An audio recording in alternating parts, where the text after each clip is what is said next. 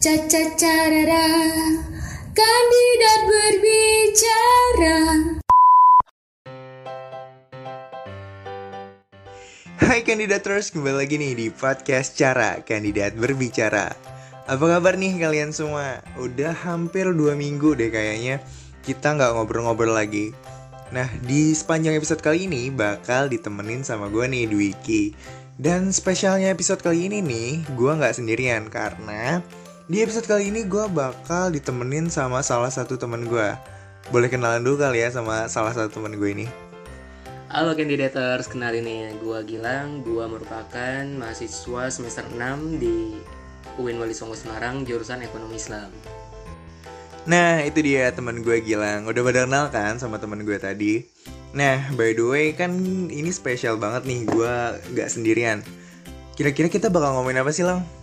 Aduh, apa ya enaknya ya Ki ya? Lu ada saran nggak kayak topik atau pembahasan yang mau kita bicarain di podcast kali ini? Nah mumpung gue lagi sama lu kali ya Gue bakal ngobrol-ngobrol tentang volunteering aja gak sih? Kayak seru Oh, boleh juga tuh. Kayaknya seru juga ya. Nah, by the way nih kandidators, Gilang ini tuh salah satu teman gue yang aktif banget di kegiatan volunteering. Entah itu di kancah nasional maupun kancah internasional. Nah, sebelum kita ngobrol-ngobrol lebih dalam nih Lang tentang volunteer, gue mau jelasin sedikit dulu nih apa sih itu volunteer. Dilansir dari rimbakita.com sendiri, volunteer adalah aktivitas yang dilakukan seseorang secara sukarela tanpa mendapatkan tanda jasa atau fee atas tenaga, pemikiran, dan waktunya untuk tujuan tertentu. Contohnya kayak kegiatan sosial, pendidikan, lingkungan, kemanusiaan, dan lain sebagainya. Nah, kira-kira kayak gitu tuh penjelasan mengenai volunteer itu sendiri. Tapi gue uh, kepo sih sama Gilang. Uh, awal mula lu ikut volunteer sendiri tuh gimana sih ceritanya, Lang?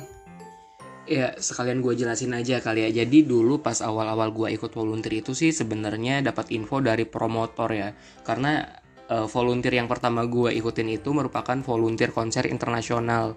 Itu di mana volunteernya itu yang buat Westlife The 20 Tour Sampokong di Asia Tenggara. Di mana salah satu kota di Indonesia yang dikunjungi itu ada di kota Semarang dan kebetulan promotornya juga lagi butuhin volunteer banyak buat nyuksesin acaranya. Awalnya sih gue coba-coba aja ya kayak kirim lamar CV gitu via email dan ternyata beberapa hari kemudian gue dapat balasan email buat suruh masuk ke grup WhatsApp gitu dan taunya gue ke hire jadi salah satu volunteer buat acaranya konser Westlife ini kayak gitu sih Ki. Wah gila sih. Uh, by the way nih kandidators gue mau cerita dikit juga sih pas awal-awal gue kenal sama Gilang tuh dia itu lagi aktif-aktifnya volunteering nah uh, waktu itu gue sempet denger cerita dari Gilang pas dia ikutan volunteer Westlife ini jujur sih waktu itu gue amazed banget sama Gilang karena waktu itu kita masih maba gak sih Lang? Iya dulu kita masih maba, even kita masih semester 1 ya sebenarnya. Uh, bahkan itu pas masih zaman zaman kita masih apa sih ospek gak sih? Iya masih dulu kita kalau ospek kampus kita tuh namanya PBAK ya uh, dan uh, waktu itu tuh gue kaget banget kayak hah nih orang masih maba bahkan masih zaman zaman PBAK dia udah ada kegiatan volunteer dan itu event internasional guys.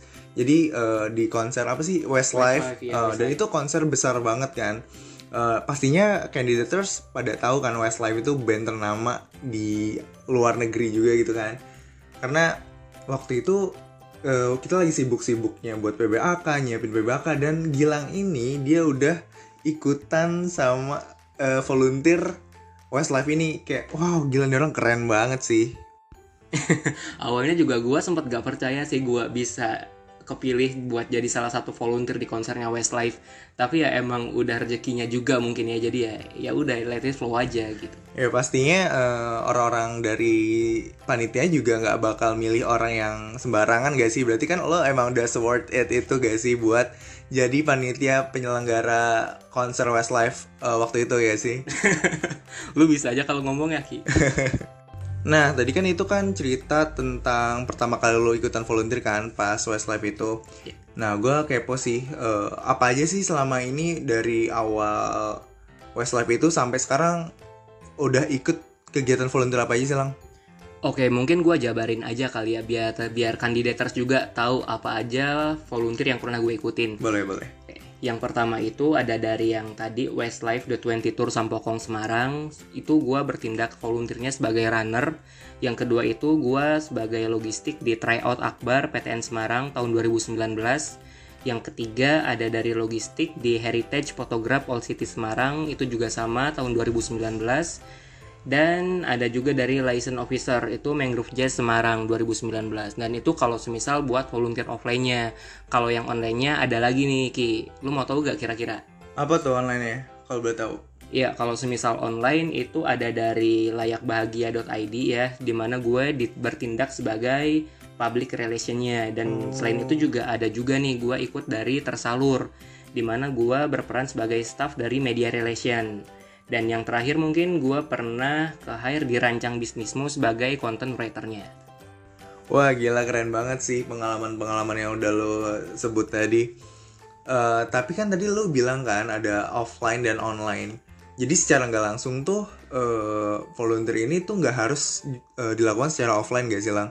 Karena eh, dilakukan secara online juga bisa. Karena kan kita lagi di, di keadaan yang pandemi kayak gini nih. Jadi buat kalian yang misal mikir, aduh gue takut nih eh, lagi pandemi, gue nggak bisa kegiatan keluar atau gimana, kalian nggak usah mikir kayak gitu lagi gak sih? Karena sekarang banyak banget volunteer yang diadain secara online gini nih. Ya, to be honest, gue juga setuju banget sih sama statement yang lu utarain tadi. Karena sekarang banyak banget lembaga atau instansi yang apa ngerekrut volunteer online kayak gini. Ya kan? Karena ya mau gimana lagi gak sih? Karena kondisi yang masih eh, mengharuskan kita melakukan kegiatan secara online tuh jadi ya mau nggak mau banyak lembaga yang mengharuskan eh, para volunteer atau pekerjanya harus ngelakuin pekerjaan se- secara jarak jauh gitu lang. Dan terus tadi gue sempet denger nih lo pernah eh, ada di bagian license officer Ya, atau LO gitu kan. Iya. LO ya. Gue kepo sih eh, LO itu tugasnya ngapain aja sih lang? Ya, secara keseluruhan aja kali ya. Secara umum waktu du gue dulu pas volunteer sebagai LO itu tugas gue di antaranya eh, kita kayak kontakin manajernya dari suatu artis udah gitu kita kayak nyiapin keperluan artisnya kayak ridingnya dan juga eh, jadwal dia mau latihan dan juga performnya dia perlu apa aja kita yang nyiapin dan kita juga yang harus mendampingi selama dia ada di pertunjukan itu kayak gitu sih kurang lebihnya. Wow gila sih itu capek banget gak sih kayak gitu karena hampir semuanya diurusin sama LO gak sih? Iya betul banget. Tapi kalau semisal capek atau enggaknya itu sih kayak balik lagi ke orangnya ya. Kalau gua sih dulu kayak ngerasanya ya enjoy aja. Soalnya itu kan kayak kali Seru pertama gitu gua, iya kali pertama gua juga sebagai LO kan. Jadi gua nikmatin juga gitu. Pastinya seru sih. Karena kita juga bisa belajar juga sih dari pengalaman-pengalaman yang mungkin eh, sebelumnya kita anggap susah, sulit itu juga bisa jadi pelajaran yang bakal kita pakai juga nah, di kemudian hari gitu. Nah Lang, tadi kan lu udah nyebutin pengalaman-pengalaman lu yang banyak banget di dunia volunteering ini kan. Nah gue kepo sih, apa aja sih eh, benefit yang lu rasain selama lu menjabat sebagai volunteering ini? Iya, aku izin koreksi dulu ya. Mungkin nggak volunteer yang gua pernah ikutin mungkin nggak sebanyak yang orang lain di luar sana Tapi ikutin menurut mungkin. gue ya. banyak sih itu. Aduh, gue jadi tersanjung nih ceritanya. Oke, jadi kalau semisal masalah benefit sih banyak banget yang gua rasain ya, Ki. Salah satunya itu kita bisa nambah knowledge baru, udah gitu kita bisa nambah experience di mana kita belum punya pengalaman itu sebelumnya kan dan juga kita bisa nambah relasi tentunya. Kayak gitu sih kurang lebihnya. Iya, relasi itu menurut gue penting banget sih, apalagi buat nanti dunia kerjaan. Ya kan, biar kita juga bisa lebih kenal orang lebih luas lagi. Terus tadi juga experience, eh, nggak cuman kita mungkin kalau kuliah gitu kan cuman belajar di kampus gitu-gitu doang kan. Nah mungkin kita bisa nambah kegiatannya kayak volunteer ini gitu. Bisa nambah pengalaman juga nih kandidaters.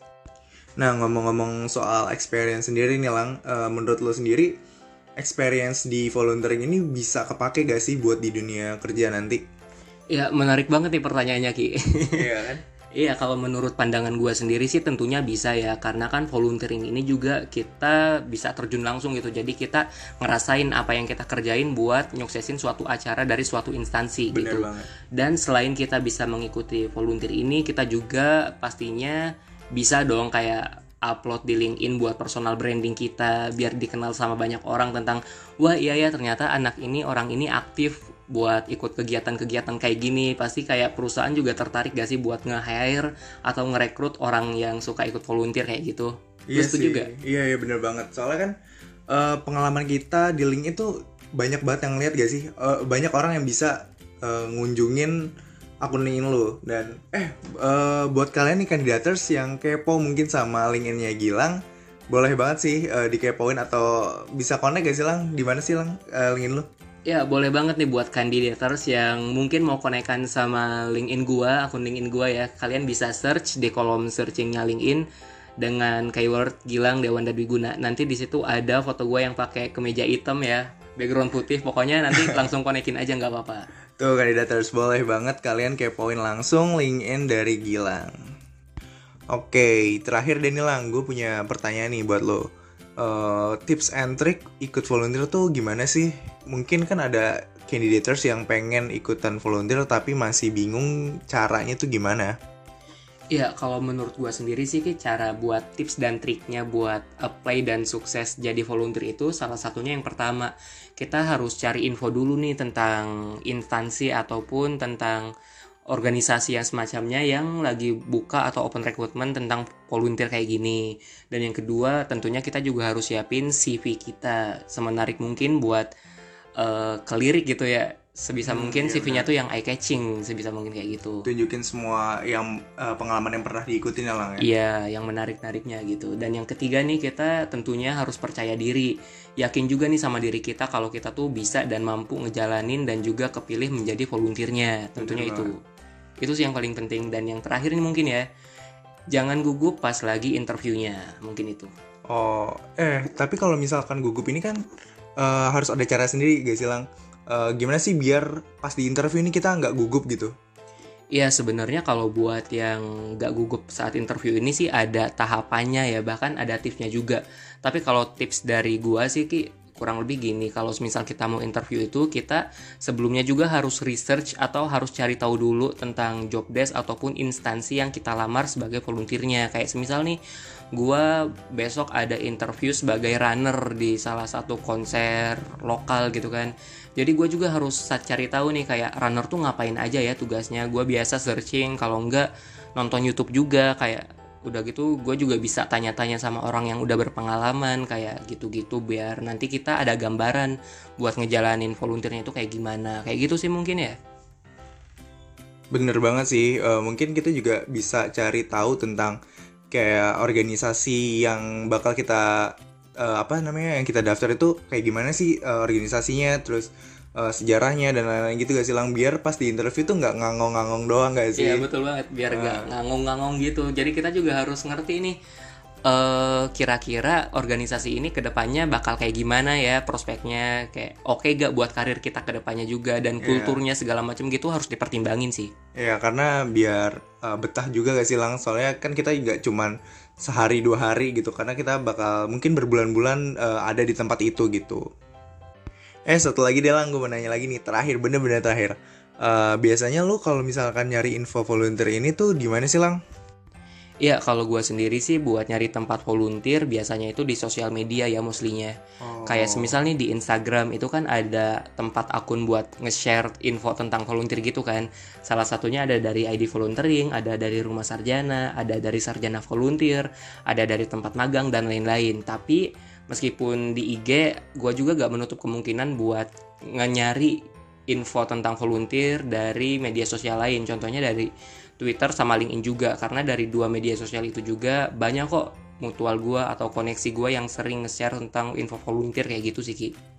Wah ternyata banyak banget sih ya eh, tempat-tempat yang bisa kita jadiin eh, tempat nyari info volunteer. Biasanya sih gue cuman taunya itu dari ID volunteering atau eh, dari akun-akun Instagram gitu sih. Wah nggak kerasa ya lang, udah hampir 15 menit kita ngobrol-ngobrol bareng. Nah tadi tuh kita udah ngomongin apa aja ya? Eh, yang pertama tuh kita udah ngomongin tentang awal mula Gilang ikut volunteer.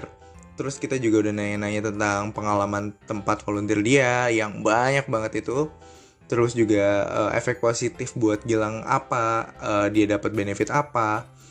uh, dari volunteer itu. Terus juga Gilang juga udah ngasih-ngasih tips and trick juga dan tadi terakhir udah bahas tempat info cari volunteer. Nah, dari obrolan kita tadi, candidators mungkin udah paham lah ya uh, volunteer itu apa, cara carinya gimana, budaya volunteer itu gimana. Nah, pastinya kalian juga sekarang udah paham lah ya uh, kegiatan yang bisa dilakuin sama mahasiswa itu nggak cuma sekedar magang atau organisasi atau ikut UKM, volunteer juga bisa nih jadi salah satu pilihan kalian untuk kegiatan di luar kampus kalian. Nah, makasih banget nih Gilang udah nemenin gue di episode kali ini dan tadi juga udah cerita banyak banget pengalaman-pengalaman uh, volunteer dia yang banyak banget nih.